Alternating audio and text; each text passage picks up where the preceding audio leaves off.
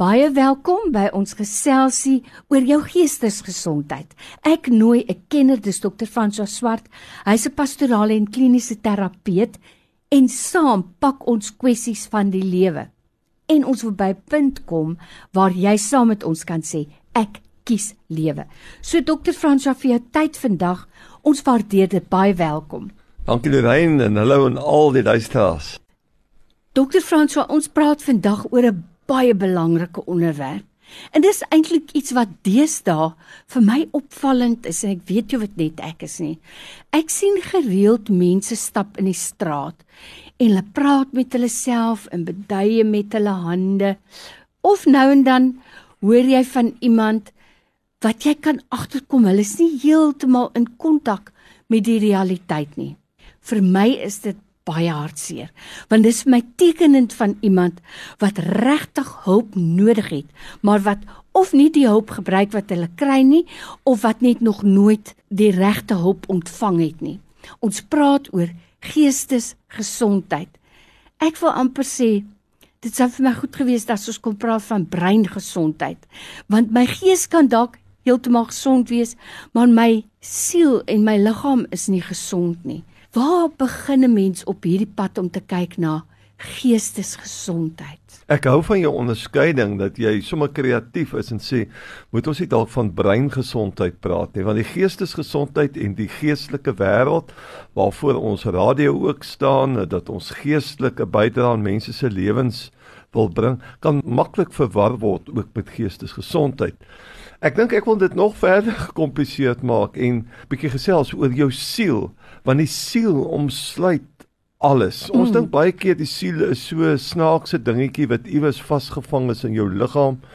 Maar die siel is eintlik 'n omvattende begrip vir geestelike gesondheid, jou mm. jou verhouding met jou Skepper, maar dan ook jou geestesgesondheid wat te doen het met omstandighede nou na Covid kom ons agter Covid-19 die pandemie dat mense sukkel met depressies. Mm. Mense sukkel met psigotiese gedrag. Nou vir die luisteraars, psigotiese gedrag is gewoonlik in terme van jou vyf sintuie dat jy hoor goed, jy sien goed, jy voel goed, jy ruik goed wat eintlik nie daar is nie. Jy praat met goed want jy hoor stemme. En dit het baie te doen met die komposisie van die brein en die gesondheid van die brein. Maar daar is ook snelle faktore wat 'n samelewing wat baie swaar kry, wat deur trauma gaan, waar baie armoede is, waar daar nie kos is nie, waar daar baie substansies beskikbaar is in terme van dwelms en alkohol en die tipe van goed, dat dit eh, vir ons in 'n baan indryf dat jy heeltemal tred verloor met jou omstandighede. En baie keer as iemand eh, sukkel met een of ander substans, moet ons baie versigtig wees om te vinnig te oordeel ja. en te dink maar hierdie persoon moet net 'n besluit neem en hy's af van dit af. Dis nie so eenvoudig mm. met geestesgesondheid nie. Jy vra nie baie keer om 'n hartaanval te kry of 'n fisiese siekte te kry nie. Dit, dit gebeur met jou as gevolg van jou genetiese samestelling. Maar net so ook jou gees, jou siel wat deel is van jou hele wese kan in reaksie kom ten opsigte van omstandighede waarbinne jy jou bevind.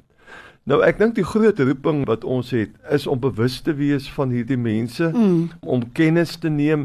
Dit val my op hoeveel geestesgesondheidsklinieke die afgelope tyd byvoorbeeld hier in die Kaap opgeskiet het.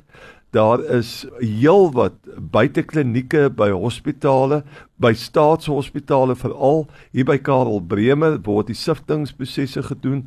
As jy voel dat jy sukkel om te cope met jou omstandighede, veral uh, wat 'n groot rol speel is insomnia, slapeloosheid, want as jy vir 3 of 4, 5 dae glad nie slaap nie, is jou kanse dat jy geestes moeg kan word baie goed. En dit is die begin dat jy begin 'n nagmerries verval.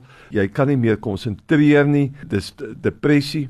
Die ander kant van die munt is dat ons mense te hard werk, te lang ure werk en deesdae voordat ons by by depressie kom, kyk ons eers na mense in terme van hulle uitbranding. Ons het so 'n week of wat gelede gepraat oor ons dames, hulle omdat hulle drie rolle baie keer moet vertolk van om 'n uh, liefdevolle eggenoot vir jou man te wees, om by die werk jou ding te doen, om geld in te bring vir jou gesin, maar ook om 'n goeie moeder te wees. Dit is die resep vir uitbranding.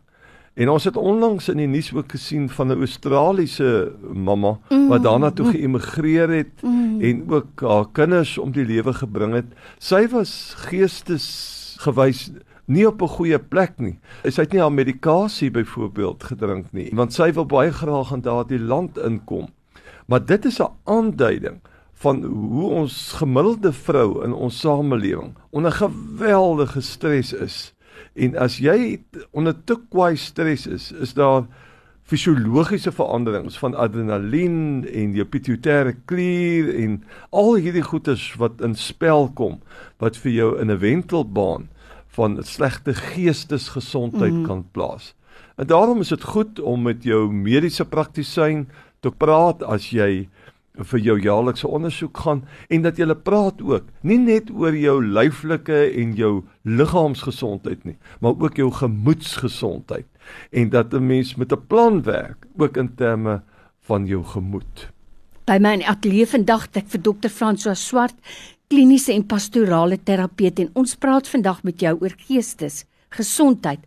Dokter Franswa nou gebeur dit dikwels hoor ek van pasiënte dat almal besef dit is nie wel nie met een lid van die gesin. Maar dit lyk asof daardie lid onbewus is daarvan dat die beelde wat hy of sy sien, die stemme wat hulle hoor, dat dit nie bestaan nie. Hoe moet 'n familie of hoe kan 'n familie ingryp en hulp kry vir so 'n persoon wat nie bewus is daarvan dat hulle hulp nodig het nie?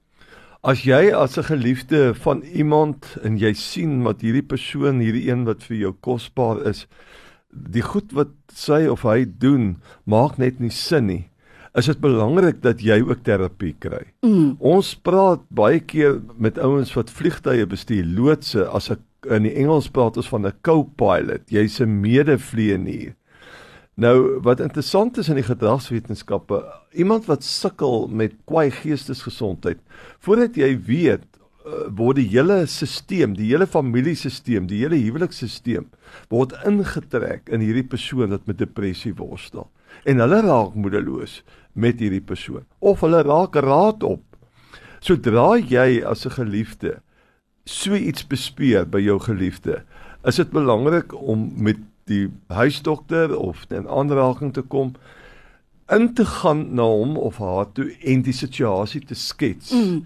En dit help ook om na terapeute toe te gaan wat opgelei is in brein siektes wat dit uh, kan eien. Mm. Hulle hoef nie noodwendig dit te behandel nie want daar's daar's mense wat baie kundig is en ek dink ons moet die goeie nuus ook breek, Lorraine, dat daar is hoop vir mense met mm. geestesgesondheid.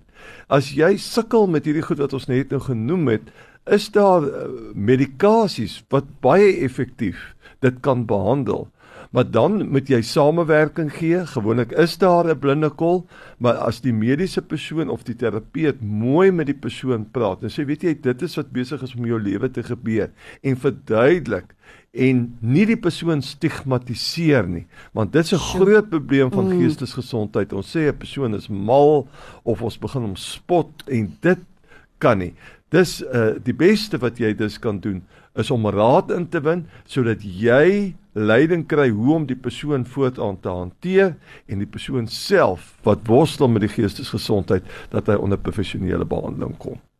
Ek dink vir my is die sleutelwoord nou daar is altyd hoop. Dokter Franswa, dit is vir my 'n positiewe noot om op af te sluit en ek wil regtig 'n beroep op mense doen om nie bang te wees om uit te vind wat verkeerd is nie. Is dit nie so nie dat die diagnose van 'n probleem al 'n groot deel van die herstel is van die siekte nie, nie waar nie? Dis so waar. As jy weet wat aangaan, het jy definitief die oorlog al 80% gewen. Mm.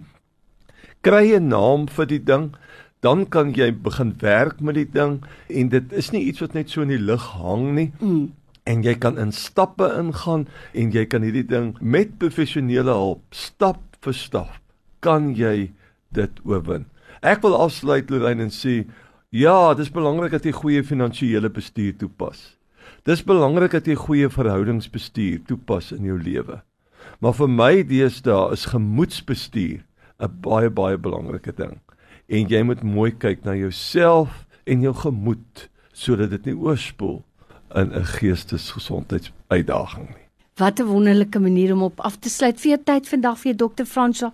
Weet net ons waardeer dit. Dankie. Dankie Lorraine en groete aan al die luisteraars en kyk mooi na julleself.